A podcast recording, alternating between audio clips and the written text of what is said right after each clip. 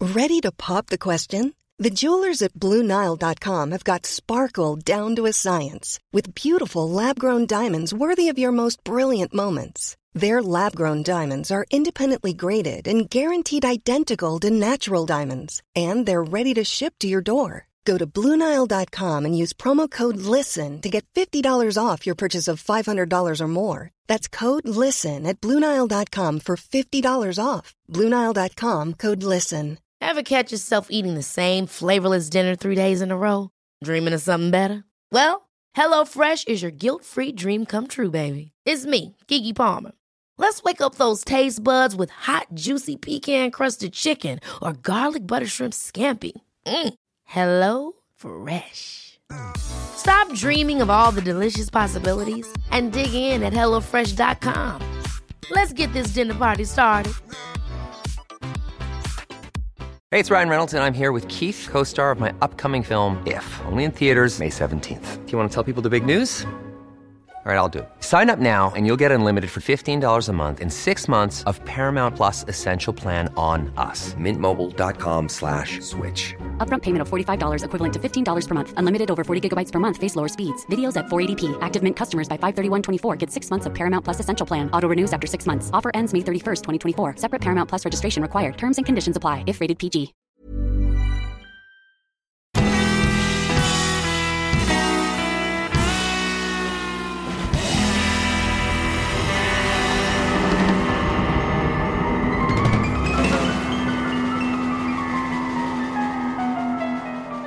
Hallå allihopa och välkomna tillbaka till ett nytt avsnitt av Ståpäls. Det är ju i vanlig ordning jag, Ida Och Lukas. och Lukas. Yeah, välkomna allihopa. Halli hallå tänkte jag säga. Halli hallå! Har du blivit Elinor? Ja. Vi skojar precis om ett av deras intron så det är nog ja. därför. Vi bor ju, eller vi kommer ju ganska nära ifrån varandra. Eller vad man säger. Hon kommer ju från Bjärnum och jag kommer från Markaryd. Ja. Och det är väldigt nära varandra. Och Johanna är uppvuxen i Ekeby och jag strax utanför stan. Eller en bit utanför stan. Ja. Så vi pratade nyss om det så det var därför jag tänkte på halli hallå. Ja. Det var på Patreon-avsnitt när hon sa Åh hej och hå, hej på dig Johanna vad grej! Vi tyckte det var kul. Ja. Vi är lite lätt roade idag. Även Äh, det är vi jämt. Ja. Hur är läget då? Jo då, jag åt, mumsade precis i mig ett Det äpple här. lät som det var en häst här inne. Ja. Knaprar på. Det är så det ska låta när man äter äppel. Man Äppel. kan- Äppel. Vad heter det? Äpple. Dialektalt okej. Wow! Äppel. Han är Eh, lärare allihopa.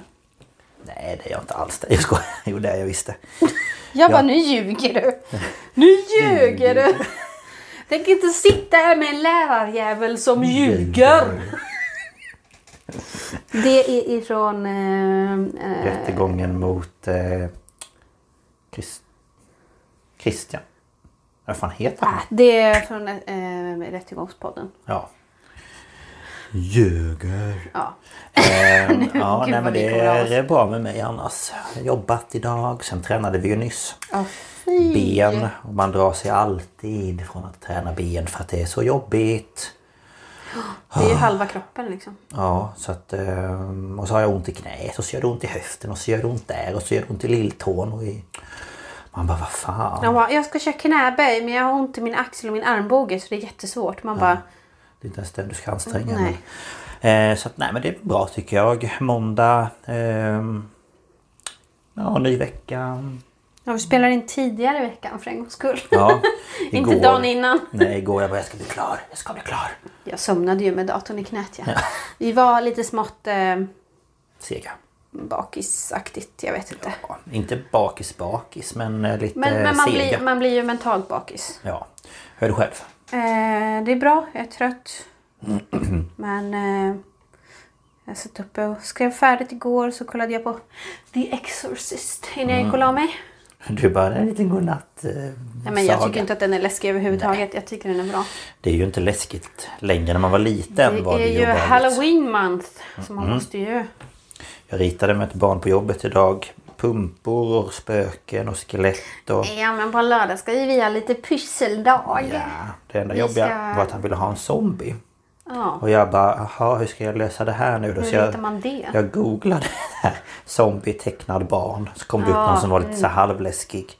Typ de där i Plants vs Zombies. Ja, jag tror att det var någon sån faktiskt. Men på lördag ska vi göra lite pysseldag. Ja, det ska vi För vi pyssla. ska ha en halloweenfest i år. Det är första gången vi har det. Jag är så taggad. Jag älskar halloween. Det gör jag med. Alltså, This is halloween, this is halloween. Du, du, du, du, du, du. jag kollade på den igår. Också Surprise! typ, vad är det, tionde gången? Och det är mer. Ja, men Jag tänkte den här månaden, eller den här... Ja, det är mer. Är det mer? är mer. Oj. Ibland har den gått två gånger på en dag. Ja, nej så... Den och Hokus Pokus. Alltså. Ja, ja. Det är ju tur att man kan underhålla sig själv. Ja, Men jag ska skriva in den här nya kategorin på... hall- Jag, har ju- jag är ansvarig för ett halloween-quiz i år. Eller jag är ansvarig, jag tog på mig det, jag ville göra det. Ja. Och så kom jag på att jag inte tagit med en enda seriemördare och Lukas bara excuse me. Jag bara, eh, och sen skulle jag... Vad var det vi pratade om? Du Ja, men, sa... Så sa jag, jag kommer ju ta sådana här mainstream, jag kommer inte se vem, vem avrättade en massa kvinnor och drack deras saliv. Och jag bara, men det var väl inte Pazuzu? Och det vet ju alla lyssnare att det var ju Ahmad Suraji. Ja, men det hade jag glömt. Ja. För att jag... Eh, jag En glöms. sopa. Ja. Jag är en jävla sopa. Ja. Nej, så det hade jag glömt. Men eh, det kan väl bli om lite mer eh, eh, välkänd... Alltså, ja. ja. Mhm. Så. Ja, men eh, vad blir det ämne? vad blir det- Vad blir det ämne? vad blir det ämne idag? Idag blir det lite mystik. Ja, Lite... ehm, jag bytte fall. Ja. Jag hade tänkt ha något annat från början. Vi har liknande kan man säga. Vi har lite sam, alltså lite, ja. Ja men det är ehm, ja, mystiska, händelser. Ja. Så eh, Ska vi köra igång eller? ja men det gör vi väl.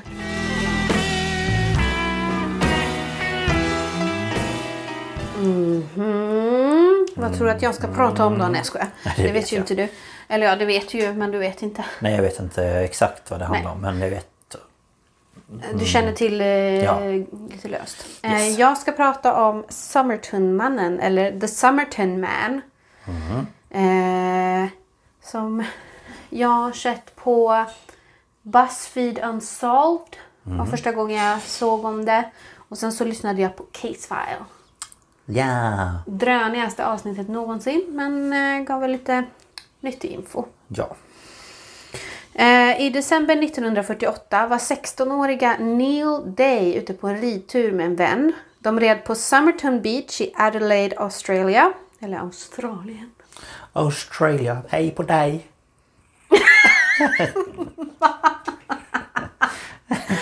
Hej på dig du! Hette inte det Neil Day? Hej på dig. Jo, Ja, det var det jag tänkte på. jag bara, så säger man väl inte i Australien. Hej på dig du! Kommer du ifrån? Adelaide. Jag tänkte man säger väl ändå grej mig eller någonting. Okej, Det var Wow. inte det jag tänkte på. det här börjar så bra. Ja. Aha, de var i alla fall ute och red på Mm. stranden och då såg de en medvetslös man ligga där. Och man, de, men de så här, typ så här såg att han låg där men de tänkte typ att det var någon som hade festat lite för hårt och såg ruset av sig. Men när de kom tillbaka ett tag senare så, så låg han i exakt samma position. Och då gick de fram till honom och märkte att han var död. Eh, Nej, han var inte full. nej, Han var död. fast ärligt talat om man är riktigt full så ligger man ju typ helt blickstilla och sover. Det är ju det som andas. Man, men grejen är att man andas ju så jävla tungt när man är full. Ja, Så jag tänkte att ja, allt blir tungt. man bara...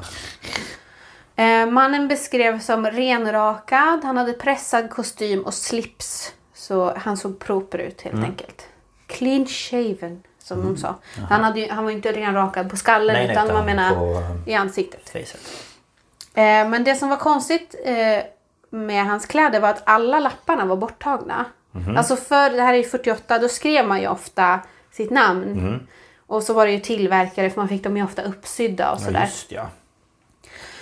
Eh, Så det var ju kon- lite konstigt. Han hade inga andra tillhörigheter eller någon form av identifikation på sig. Eh, Och hans fingeravtryck fanns inte i någon databas.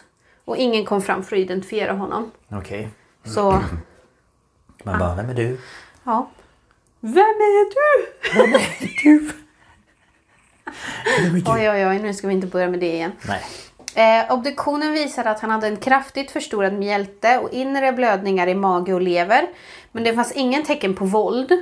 Och han hade inte heller tecken på att han skulle ha kräkt, bajsat eller kissat på sig eller haft kramper. Mhm. Eh, för det skulle vara ett tecken på förgiftning då. Ja, just ja. ja. Eh, och i magsäcken så hittade man en köttpaj. Oh, vad Typ som en gott. sån här, de kallar det för m- min, vad, vad kallar de? Pasty. Så det är typ Ja, nästan som en täckt pirog. hela vägen. Ja, nästan som en pirog liksom. Täckt hela vägen.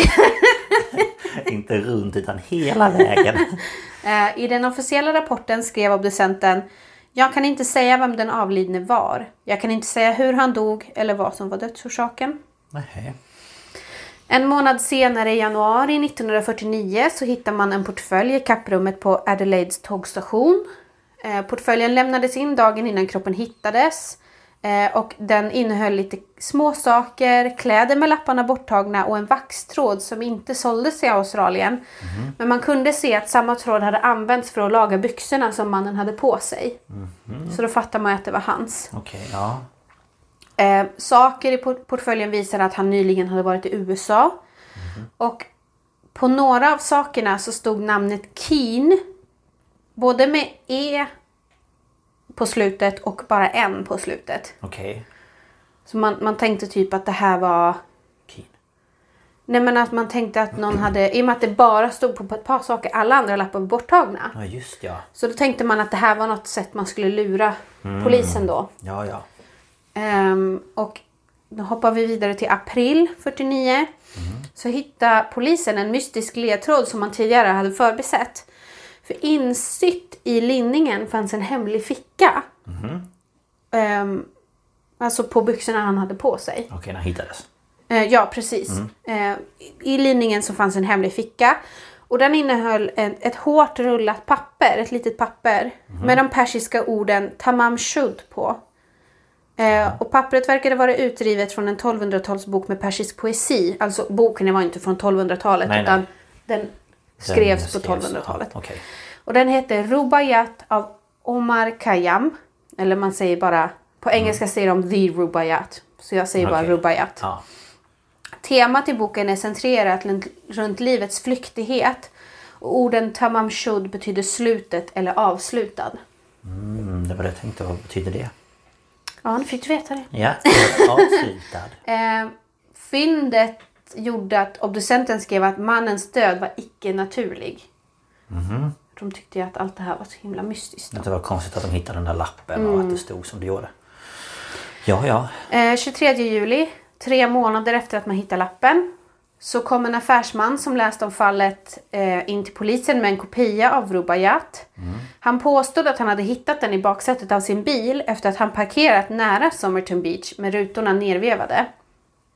Och i denna bok så hade en bit rivits ut och den passade perfekt med den här biten polisen hade. Det är ju Ehm, konstigt. och på bokpärmen längst bak, alltså på den här hårda yttre, Ja. Ehm, så fann man fem rader med bokstäver. Så man tänkte då, oh, det här är en hemlig kod. Ja. Och ett telefonnummer. Och än idag har man inte lyckats knäcka den här k- koden. Och The Australian Navy kom fram till att den är i stort sett oknäckbar. Och det här är ett citat från dem som jag översatt så det är nog inte så här hundraprocentigt. Det var lite krångligt språk. Men Okej. det finns ett otillräckligt antal bokstäver för att komma till en slutsats av analys. Bokstäverna bildar inget enkelt skiffer eller kod. En resonabel slutsats kunde vara att raderna är första bokstaven på ord i en vers, eh, i en vers poesi eller liknande. Okej. Eh, jag känner jag kan inte riktigt prata idag heller. Men eh, alltså. Man tänkte ju typ då att någon har läst en, en dikt eller att dikten skulle vara en. eh, Säg att en dikt handlar om bilar och då Mm. riktades det till den och då var det någonting med någon bil. Nej men typ så. Ja, okej. jag vet Ja, inte ja, riktigt. ja. Jag är inte så bra på sånt där. Nej, jag förstår. Eh, Så bokstäverna gav inte polisen något men telefonnumret ledde till den 27-åriga sjuksköterskan Jessie Joe Thompson. Och hon bodde bara ett hundratal meter från den här platsen där mannen hittades åtta månader tidigare. Hon hade Hon erkände att hon en gång hade ägt en kopia av Rubaiyat men påstod att hon hade gett kopian till en man vid, vid namn Alfred Boxall. Och då kontaktade man honom och han hade den kopian. Ja, ja. Okej. Eh, Och vid den här tiden hade man begravt mannen men innan man gjorde det så gjorde man en gipsavgjutning av mannens huvud och torso. Och man visade det här för Joe för att hon skulle se om hon kände igen honom. Och poliserna som var där då sa att det såg ut som att hon skulle svimma när hon såg den. Jaha. Men hon förnekade att hon kände igen honom. Nämen. Och hon dog 2007 och erkände aldrig att hon kände igen honom. Nämen. Det är ju jättekonstigt. Mm. Man bara, du håller på att svimma men... Eh, nej, men det är ingen jag känner igen. Nej, det är jätte, Så jag jättekonstigt. tänker, du, du ser ju inte en människa och reagerar så om inte du känner igen den. Nej, jag tänker det Alltså- också. Jag tänker det också. Ja. Och jag har skrivit upp eh, teorier som jag tänkte vi skulle gå igenom. Så teori 1. Eh, mannen tog sitt eget liv. Okej. Man menade att orden, orden Tamam Shud skulle vara hans avskedsbrev eftersom det betyder slutet eller avslut. Eh, för omständigheterna liknar de då en immigrant hittade stöd i Mossman i Australien efter att ha tagit sitt liv med barbiturat. Och han hade också en kopia av Rubaiyat på sig. Vad är barbiturat? Ah, Jättebra fråga. Jag försökte hitta info om det. Jag kan googla lite snabbt. Ja, det är bara... Eh, Barbiturat. Jag har aldrig hört det.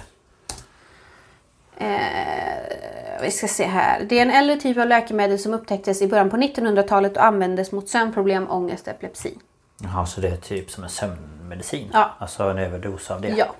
Okej. Ehm, man, man, eh, ja, man såg likheter där då emellan. Mm. Okej. Eh, för boken hade blivit väldigt populär under andra världskriget. Så Mm.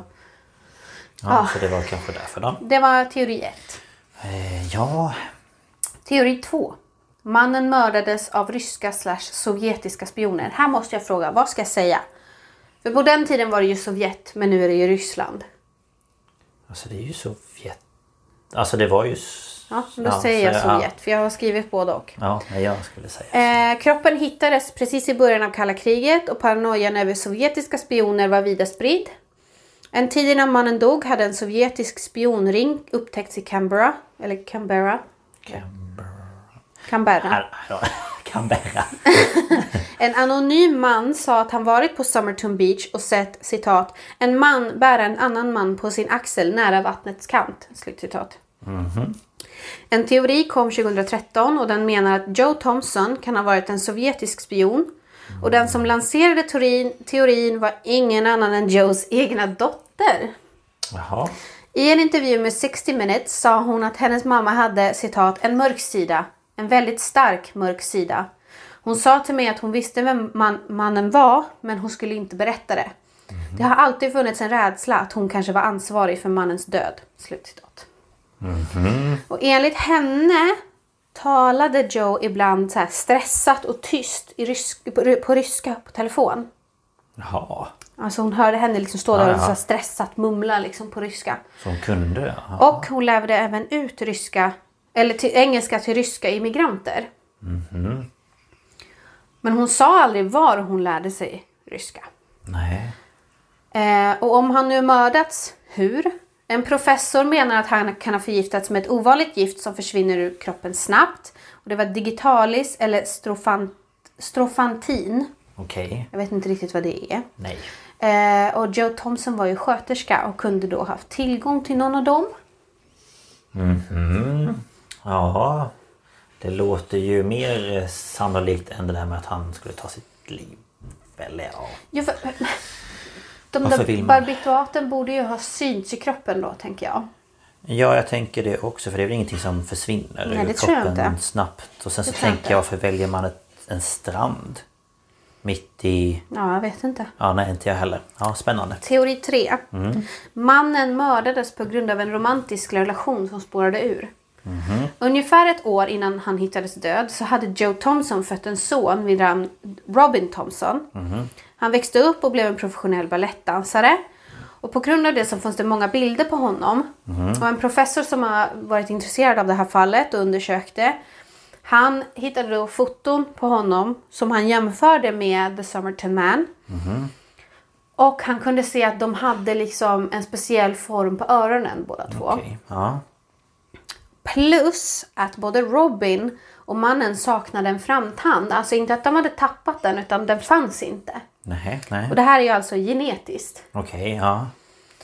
Eh, Detta tillsammans med det faktumet att Joe var ogift när Robin föddes gjorde att professorn kom fram till att Joe och mannen måste haft en relation som ledde till en graviditet.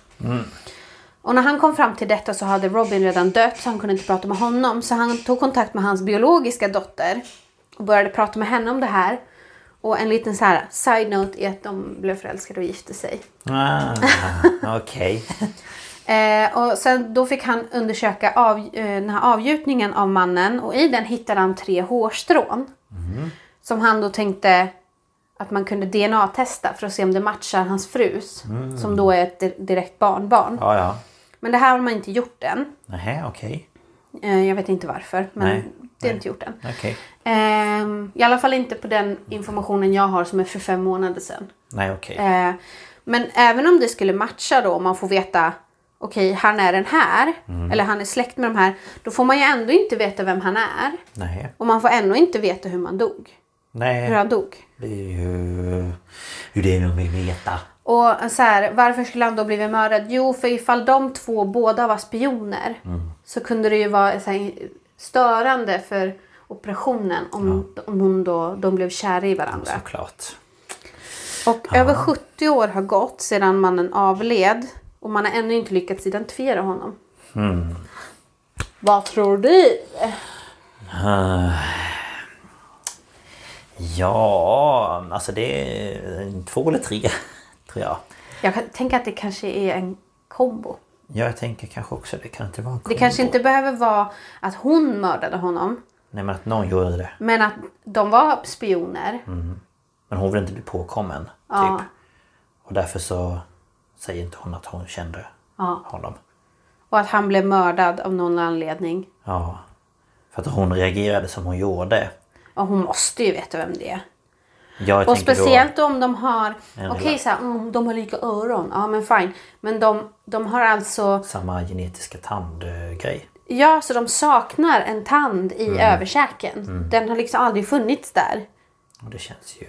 Är inte det ett väldigt sammanträffande? Jo, det känns ju väldigt... Men jag tror att det är en kombo av de två faktiskt. Och sen just att hennes egna dotter säger att jag tror att hon var en spion. Ja.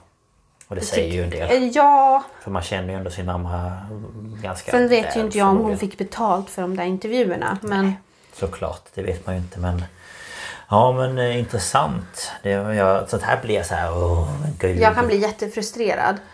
Ehm, Ja, för att man vill ju veta vad som... Vad som liksom hände. Ja, jag tänkte jag ska visa Lukas en bild här. Mm. Det här är The Summerton Man. Är det den av... Den han är död? Det där är, det där är ett foto på honom när han är död. Okej. Jag bara, här är han död. Ja, här är han död. Där är han död. Ja, ja. Och här är skriften i boken. Ah, Så att, eh, mm.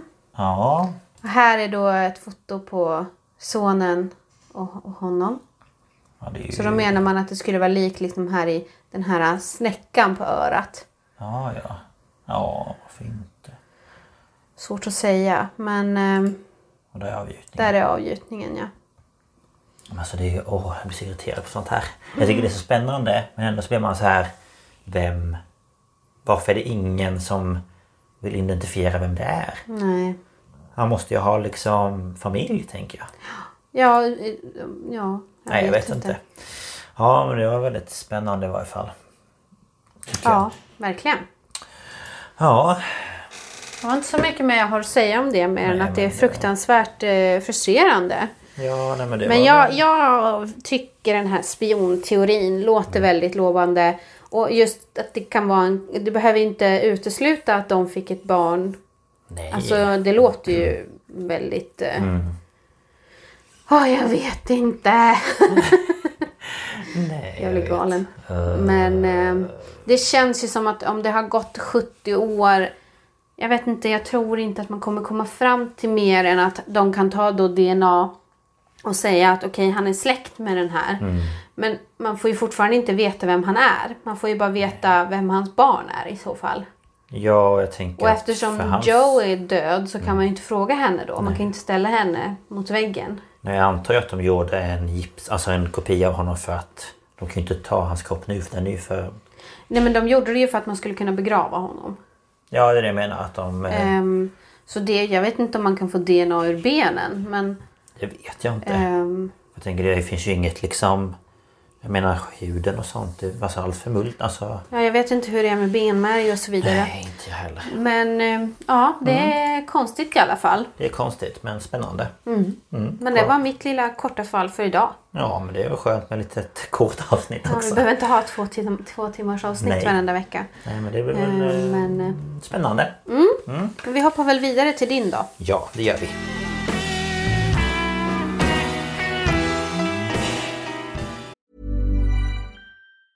Hey, it's Ryan Reynolds, and I'm here with Keith, co star of my upcoming film, If, only in theaters, May 17th. Do you want to tell people the big news? All right, I'll do. it. Sign up now and you'll get unlimited for $15 a month in six months of Paramount Plus Essential Plan on us. Mintmobile.com slash switch. Upfront payment of $45 equivalent to $15 per month. Unlimited over 40 gigabytes per month. Face lower speeds. Videos at 480p. Active Mint customers by 531.24 get six months of Paramount Plus Essential Plan. Auto renews after six months. Offer ends May 31st, 2024. Separate Paramount Plus registration required. Terms and conditions apply if rated PG. Ever catch yourself eating the same flavorless dinner three days in a row? Dreaming of something better? Well, HelloFresh is your guilt-free dream come true, baby. It's me, Gigi Palmer. Let's wake up those taste buds with hot, juicy pecan-crusted chicken or garlic butter shrimp scampi. Mm. Hello Fresh. Stop dreaming of all the delicious possibilities and dig in at HelloFresh.com. Let's get this dinner party started.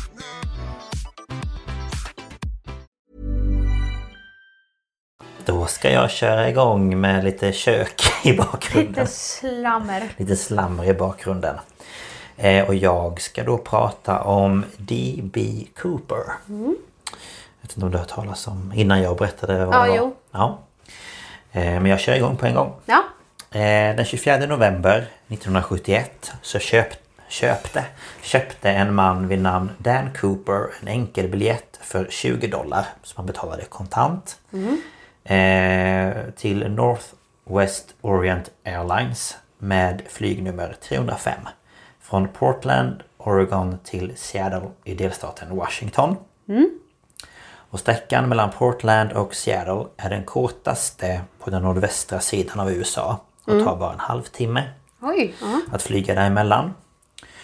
Eh, och vid den här tiden så fanns det inga kontroller eller liksom Nej. ID-kontroller så på inrikesflyg. Och det innebar att man kunde ha med sig vad som helst på planen. Till exempel vapen eller knivar eller bomber eller ja, vad man nu kände för. man vet aldrig.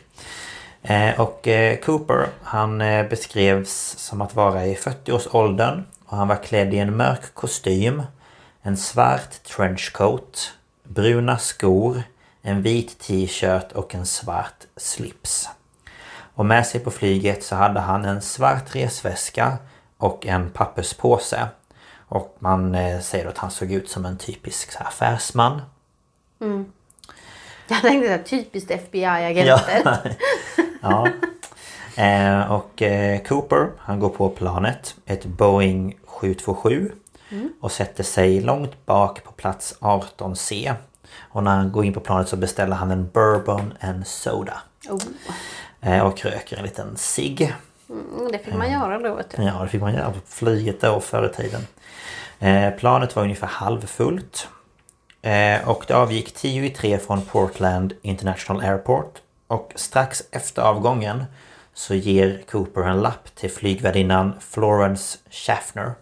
Som satt närmast honom då i en sån här mm, ja, men en stol som de sitter i. Eh, och eh, hon tänkte så här, men jag stoppade lappen i fickan för hon trodde att det var någon som liksom flörtade med henne. Typ gav henne hans telefonnummer eller så.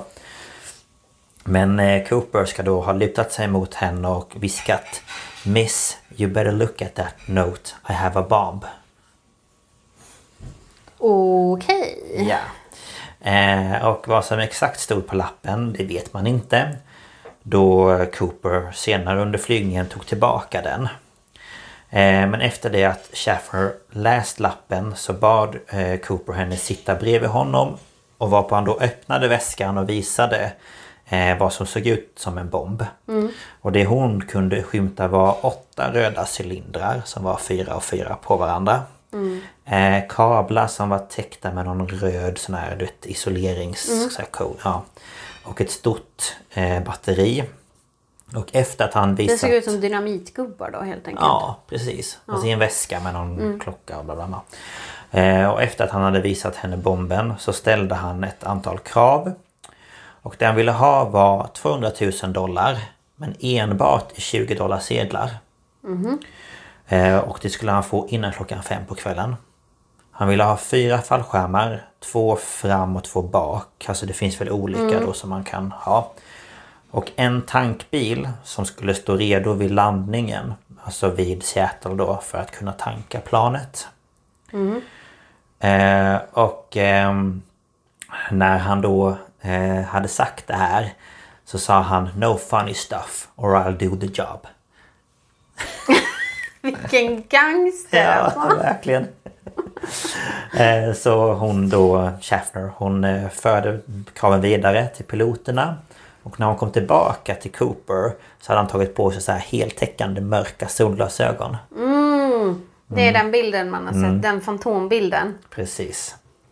Och först i piloten på det här flyget var William A. Scott. Eh, som innan detta hade varit militär för USAs flygvapen under andra världskriget. Eh, och han kontaktade genast Seattle eh, vid så här, Tacoma Airport. de- Deras flygledning. Som då i sin tur kontaktade både lokala och federala myndigheter. Och under tiden som de då kontaktade dem och de skulle försöka fixa allting så fick de andra 35 passagerarna falsk information om att flyget skulle bli försenat till Seattle på grund av mindre tekniska problem. För de ville ju inte s- skapa panik. Mm. Nej, nej, nej, utan de bara så här, "Ja, men eh, det är lite fel med det här, vi håller på att fixa det. Mm. Eh, och samtidigt som de då får den informationen så började chefen för det här Northwest Orient eh, Air, vad heter det? Air eh, Line. Ja. Heter va? Eh, Jag tror det. Ja, jag bara Air... Ja. Eh, han heter Donald Nyrop. Nyrop. Nyrop. Nyrop. eh, ja, han började fixa fram pengarna och eh, bad sina medarbetare på planet att samarbeta och gå med på alla Coopers krav. Eh, och flygplanet det cirkulerade i ungefär två timmar. eh, För att de då skulle kunna ge FBI och polisen i Seattle tid att få fram fallskärmarna och pengarna och räddningspersonal och ja, allt som de behövde fixa. Och när flyget till slut landade i Seattle eh, så bytte Cooper då ut alla passagerarna med de här pengarna och fallskärmarna. Men han lät några av de som jobbade på flyget stanna kvar. Och eh, då beordrade han att flyget skulle lyfta och flyga mot Mexico City. Mm. Men att planet skulle hålla sig under 10 000 feet. Och jag vet inte riktigt vad det är. Men det är ju Men det är ju ehm, eh, 5 000... 4000 meter, är det inte det? Ja, något sånt. Men Ehm, det är ju den höjden plan flyger på. Ja, men det skulle hålla sig under det. För att han förmodligen skulle ha använt det. till 4000 någonting. meter, det låter ju jättemycket. Ja, men han sa det. Ni ska hålla er under 10 10 000 feet. Jag ska kolla. Jag har faktiskt en sån här konverterare på min telefon. Ja, vad bra. Eh, vi ska se. Vi vill ha längd. Och så vill vi ha fot. fot. Mm. Yes. 10. en, två, tre. Eh, och så vill vi inte ha i centimeter. Vi vill ha i meter. Ja, 3048 meter. Så 3 kilometer. Okej. Ja, men det är väl... eh, Jag vet inte om det är... De brukar kanske fly, flyga över det. Ja, men de, kan- de gör väl det nu. De kanske inte gjorde det då. Nej. Eh, lite efter klockan åtta på kvällen så befann sig planet mellan Seattle och Reno, Nevada. Genom bakdörrarna på flygplanet ska då Cooper ha hoppat från planet med två av fallskärmarna och pengarna. Och efter detta var Cooper försvunnen och skulle aldrig komma att dyka upp igen. Nej. Eh, men innan Cooper hoppade ska han ha tagit av sig sin slips och det var en sån här clip-on slips från JC Penny. Eh, Och på slipsen så lyckades polisen hitta lite så här, eh, en liten, liten DNA-grej. Eh, och eh, polisens och FBI's utredning kring det här fallet kom att kallas för NORJAC. Vilket stod för North... Nor, North West Hijacking. Och det pågick i flera decennier. Eh, och man sökte igenom planet grundligt för att försöka hitta något bevis men utan framgång. Och fokus hamnade också på de här 20 dollarsedlarna som man gav Cooper. Efter att en ung pojke nio år senare hittade en papperspåse full med 20 dollarsedlar. Eh, alla sedlar hade man innan man gav dem till Cooper så registreras alla serienummer Ja. på dem. Och dessa visade sig stämma överens eh, med det man hittat i påsen. I påsen fanns det totalt 5800 dollar. Och påsen hittades på en strand vid Tina Bar när pojken och hans pappa befann sig där. Och man började då spekulera i om Cooper tappat påsen när han eh, hoppade från planet. Och att den hamnade i Washugal River. Det är typ en flod där i närheten. Och att den då flöt vidare till Tina Bar för det låg liksom... Eh, om ni tänker att det går som en flod och sen går det ut till en bukt. Och här var då den där Tina Bar, det var väl någon som en strand. Mm. Eh, Men fyndet av de här pengarna skulle dock visa sig inte leda till någonting. Då Nej, man- alltså hur skulle de det egentligen? Ja, nej alltså det var så här är pengarna, okej. Vi vet att det är dem. Ja, men de undersökte eller genomsökte stränderna runt området men de hittade ingenting. Eh, Men året efter då, 1972, så började det inkomma brev till FBI, The New York Times, The Washington Post, Los Angeles Times och The Seattle Times. Och där kunde det stå till exempel att någon erkände sig skyldig till brottet. Eller att andra berömde Cooper för vad han gjort och menade på att han hade dött och eh, någon påstod att det var hans bror och ja, massa grejer. Och detta ledde även så långt att två män vid namn Donald Sylvester Murphy och William John Lewis samma år tog sig fånga för att de hade angett sig för att vara Cooper och för att ha sålt hans historia till olika tidningar. Eh, och de kommande fem åren efter händelsen så hade polisen över 800 misstänkta. Eh, Men eh, de eliminerade ut några så de hade 24 stycken. Eh, Och egentligen så vet ingen varför eh, Cooper kom att kallas för DB Cooper. Då han aldrig hade uppgett det namnet. Nej. Utan han hade ju sagt att han är Dan eh, Cooper. Men de tror att det hade blivit ett misstag över radio. Så de hade, det hade blivit DB Cooper istället för Dan. Så det är därför de säger det. Okej. Eh, Men FBI i varje fall, de gjorde en fantombild med hjälp av de två flygvärdinnor som spenderat timmar med honom på flyget. Och det var då Tina Mucklow och Florence Schaffner. Och eh, de ska även ha blivit förhörda separat samma kväll som händelsen och de hade gett exakt samma beskrivning av honom. Eh, och något eh, som andra som pratat eller sett honom också uppgav. Att de hade, det var samma uppgifter. Och hans röst var mörk men hade ingen speciell dialekt. Men han hade ett väldigt stort vokabulär och lät liksom väldigt intelligent när han pratade. Okej. Ehm, och eh, till en början så valde man att gå ut med att den skyldige till det här då skulle dömas för att ha kapat ett plan och det skulle ge fem år i fängelse. Men eftersom ingen kom fram liksom eh, och sa att det är jag eh, så ändrade man domen till att den skyldige brutit mot The Hobbs Act. Okej. Och det är typ en lag som kom då någon gång från den där... eh, Nej, vad heter det? Namnet är taget från en domare. Ehm, och då är det att man blir, den skulle bli dömd till rån eller utpressning. Och få både böter och fängelse i 20 år. Okej.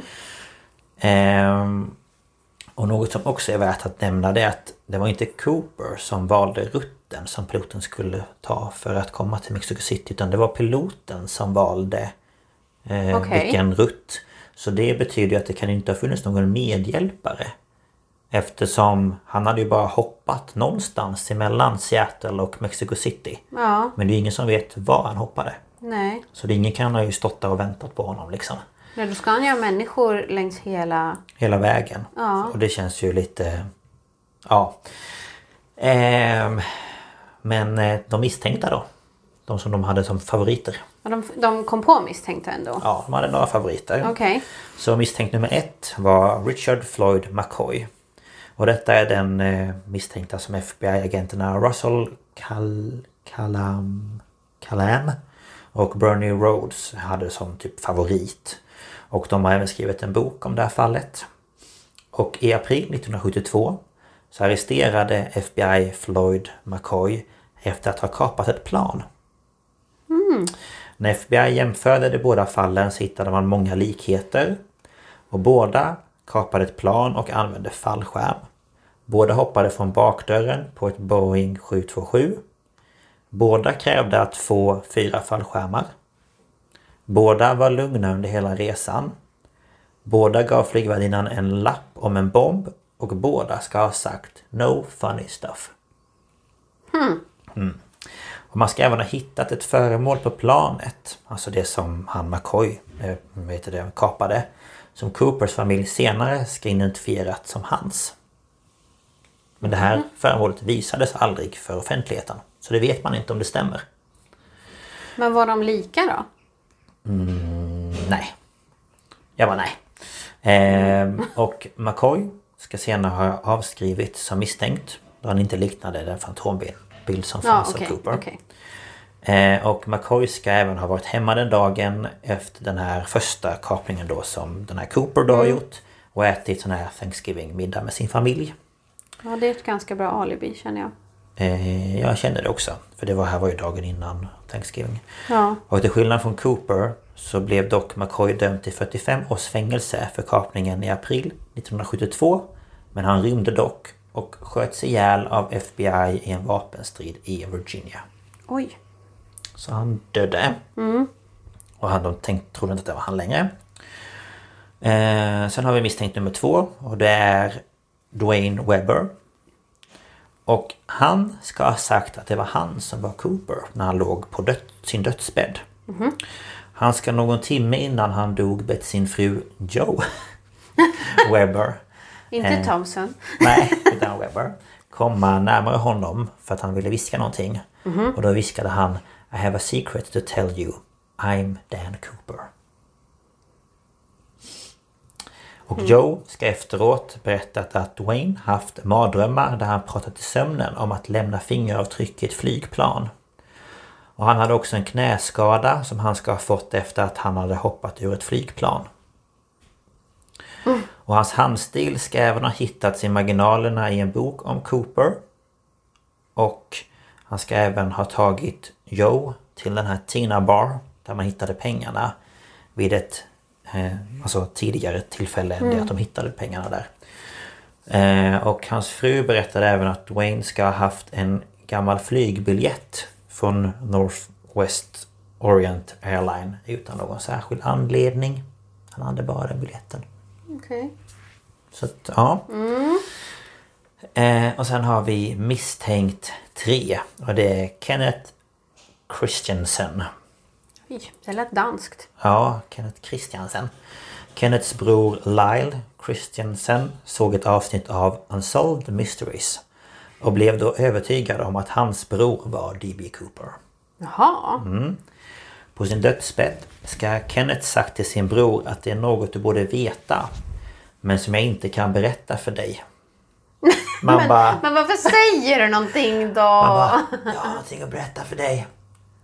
Men jag kan inte säga det. Du, jag har någonting som du borde veta men jag tänker inte säga det. Man bara, men, Man bara, men åh, jag, blir så, jag blir galen på sånt där. Jag Bara, men vad fan, varför säger du ens att du har någonting att berätta om du inte tänker berätta det? Ja, jag vet. Jävla Man bara, men idiot. nu och så ligger du där och ska dö. Jag kommer inte få reda på det. Fan, jag hade blivit så jävla förbannad. Jag bara, nu berättar du! Skaka liv i den Jag jäveln. hade blivit Gunvald i Beck. Ja. Vad fan var det då? Bitch-släpat och tryckt upp mot väggen och bara, jag håller på att dö ju. Ja. Ehm, ja, och han är Kenneth i varje fall. Han var chef över alla flygvärdinnor och flygvärdar vid det här Northwest Orient Airlines. Jaha. Eh, och detta kom då att spä på rykten om att det skulle kunna vara ett inside job. Jaha. Eh, och Kenneth ska även ha varit väldigt förtjust i bourbon.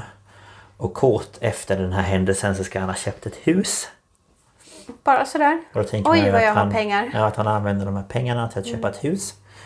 Eh, Och en författare vid namn eh, Jeffrey Gray ska ha visat en flygvärdinna som var på planet en bild på Kenneth. Och utav alla misstänkta så var han den hon tyckte var mest lik Ja. den här Cooper då. Men jag skulle, man ska då lägga tyngd på att hon sa mest lik. Ja precis. Inte det var han. Nej. Eh, och FBI tyckte dock inte att det fanns några likheter och skrev även av honom som misstänkt. Jaha. Och en annan anledning till det var att Kenneth var ett fallskärmshoppare under andra världskriget och de menade på att Cooper inte var en erfaren fallskärmshoppare. Nähä. Nej. Okej. Eh, och sen har vi eh, en teori bara. Som Ja. är från Larry Carr och han var specialagent på FBI. Okej. Hans teori är att Cooper inte överlevde hoppet. Carr tog över fallet 2007 och menar på att till en början trodde de att Cooper var en erfaren fallskärmshoppare. Men att det inte skulle vara sant. Okej. Och för att styrka det påståendet då så hoppade Cooper med två fallskärmar. Men bara en av dem fungerade. Den andra var en fallskärm som användes vid övningar och som var ihopsydd. Så den, var ju, den gick inte, kunde inte fly, flyga upp. Oj, oj då. Och eh, den som fungerade det var en militär, militärfallskärm som inte gick att styra. Mm. Och när Cooper hoppade från planet så var det mörkt ute. Något man menar på att ingen erfaren fallskärmshoppare skulle göra. Nej. Och det ska även ha regnat med en vind alltså upp i luften då på 200 miles per hour. Det är jättemycket. Ja, och han var iklädd finskor och en trenchcoat. Ja. Eh, en annan trolig anledning till att han inte klarat sig är för att det var väldigt dålig sikt och väldigt, väldigt moln. Alltså det var moln överallt. Och att han förmodligen hade hamnat i ett skogsparti. Men den här teorin förlorar lite trovärdighet då hans kropp eller fallskärm aldrig hittats. Mm. Nej, det är ju det också. Ja. De vet ju på ett ungefär var han hoppade. Ja, Då borde de ju kunna precis. Och de har ju sökt. räkna ur var han skulle vara i så fall. överallt. Så att, eh, ja. Och den sista teorin kommer från några amatörforskare som kallar sig själva för Citizen Slo- Slöth. Slöth. Slöth. Sleuth. Sleuth. Slöth. Det där är ett sånt ord som du inte alls Nej, kan säga. Sleuth. Jag säger Citizen S. Ja. Eh, Det framställde ett elektroniskt mikroskop som hittade 100 000 partiklar på Coopers slips. Mhm. Och några av de här partiklarna de hittade var cerium, svavelväte och titan. Mm. Och enligt FBI-agenten Tom Kay är detta ovanliga så här, jordelement och att de används i väldigt avgränsande så här, fält. Ehm, och ett ställe där man använde dessa ämnen var där man framställde eller tillverkade Boeing-flygplan. Mhm. Och därför menade Citizen S att Cooper skulle kunna ha arbetat vid Boeing som ingenjör eller chef vid ett av de här liksom, ställena. Därför visste han då... Liksom, det var därför Ja. han valde just ett sånt plan då. Ja. Eh, och det menar på att en person som arbetat inom detta område skulle kunna vara den som skulle kunna hjälpa till att Jo, men lösa just det fallet. där också att han, han hade det där med att t- planet måste tanka. Mm. Kan man ingenting om plan så säger man bara det lyfter vi, vi ska till Mexiko. De kommer ju bara säga men det finns inte bensin. Nej. Men han hade ju, han hade ju allt fixat. Eh, och FBI har, eh, har sagt att det här sökandet efter D.B. Cooper har varit det längsta fall i FBI's historia. Och det som har varit mest så här, uttröttande. Eh, och utredningen består av material som mäter 40 feet. Jag vet inte vad det är men kanske någon meter. Jag kan kolla. Du får kolla. Jag säger så här så länge. Eh, Ja. Fallet pågick i 45 år och år 2016 så la de ner det. Så de, 40 fot, ja, det är 12 meter. ja, Så det är 12 hyllmeter då antar jag. ja, Ja, Mm. med material. Eh, ja, så det lades ner. Men sen när jag undersökte det här så hittade jag en liten kort klipp på Youtube. Mhm. Där de nu sa att de förmodligen hade löst fallet. Och då blev jag så här, ja fast hur mycket ska jag tro på det då? Aha. Men det de sa där i varje fall Det är att FBI förra året, alltså 2019 gick ut med hemliga dokument som aldrig tidigare visats för allmänheten. Okej. Och de säger då att de här dokumenten ska bevisa vem den här Dan Cooper var. Eh, Och den FBI nu misstänker är Robert Rackstraw. En helt ny alltså. Ja. Och Robert var en före detta pilot som flugit helikopter under Vietnamkriget. Okej. Nu håller min fru på att vifspa någonting. Mos tror jag. Ja, just det. Eh, och det betyder att han var tränad i bomber och explosiva föremål samt fallskärmshoppning. Han visste hur man konstruerade vapen och hur man hoppade säkert från flygplan. Och eftersom han varit en före detta pilot så anser man att de krav han hade var ganska smarta. Ja. Och i en intervju med Robert, när de frågar honom om han är Dan Cooper, säger han “could have been, could have been”. Eh, och han Antingen så kan han ju säga så. Mm. Bara för att ja, men jag är det. Eller så här. Mm, det kan ni fundera på. För sen så säger han så här. Att han är nog den enda personen som kan få fallet avklarat. Ja, men gör det då. Mm. Man bara, mm. Och de hemliga dokumenten visar även på att han blivit avstängd från armén efter att ha ljugit om någonting då. Bara månader innan planet kapades. Och många undrar dock varför FBI har haft den här informationen sedan 70-talet men inte gått ut med den. Och då är det några som menar på att det var ett inside job. Och att Robert var en hemlig CIA-agent. Jaha. Eh, och detta är även något som hans be- fältbefälhavare i armén bekräftade. Okej. Och Kalla fall-utredaren Tom Colbert menar på att Robert kom undan med lösensumman och investerade det i ett hus medan FBI inte brydde sig. Okej. Och samt att de täckte över hans brott för att slippa skämma ut regeringen. De är ju väldigt regeringskritiska i USA. Så att, Mm. Ja, ehm, så det var de teorierna jag och misstänkta. Har, ja, all, jag har alltid trott att han var någon spion av något slag. Ja, men... ehm, ja. Där kunde man ju trott då att de tänkte på ryssarna igen då. Men- Ja, nej det tänkte de inte utan... Eh, Mm, ja, jag har Ja. inte den blekaste. Alltså, det är jättekonstigt. nej, och sen jag kan visa bara han där Robert Rackstraw för dig. Eh, För du, det är den som de tycker är eh, mest lik också. Eh, så här är då Oj! bilden på han och där är bilden på Robert. Men näsan är ju väldigt lik. Bara det att på den där bilden så tittar han ju upp lite. Mhm. Ja, och det är väl typ... Och här är då hur han skulle sett ut typ nu. Nej. Jo, jag antar det. Men han ser ju ut... Här är ju han. Idag. Ja, men Ja. det är omöjligt att Det är säga. jättesvårt att säga för han har ju skägg och allting. Men eh, så det är, de, är han som de tror. Okej. Ehm, Och eh, han, eh, Robert då, han har även blivit dömd för att eh, ha eh, mördat sin styvpappa. Eller något sånt där. Ja. Jag tror det var sånt, men att de inte riktigt kunde förstå om det var han eller inte. Så Okej, att då, eh, ja. Så om de tror att det är han. Och jag tycker ändå att han är ganska lik. ja, det är någonting med näsan där. Ja, eh, men eh, ja, jag vet inte. Jag vet inte. Nej, det är jättesvårt. Ja, det är det som är med just det här eh, Ja. ämnet. Det är ju det, man blir lite så här, man tycker det är spännande. Men samtidigt så är det så här, jag vill ju veta. Och så är det så här, jaha, men är det han här nu då? Eller va? Eller varför har de inte gått ut med det liksom så här? offent- Ja, jag vet Jag har inte. ingen aning. Nej, men... Hoppas ni eh, blir lika frustrerade som oss. Ja. Ni kanske kan researcha lite också och komma med någon kommentar om ni har löst det. Ja. Men det var allt jag hade. ja, det var jättebra. Men eh, det var ju det vi hade den här veckan. Det var ju lite kortare, men Ja. det är skönt. Tack för att ni har lyssnat. Tack så mycket. Nästa vecka blir det farliga ämnen. Ja, Då får ni fundera på vad det kan innebära. Ja. får ni ha det så bra. Jag gillar att Lukas såg ut som att han inte heller visste vad det betydde. Jo, det vet jag. Det Men ha det bra. Vi hörs nästa vecka. gör vi. Hej då! Hej då!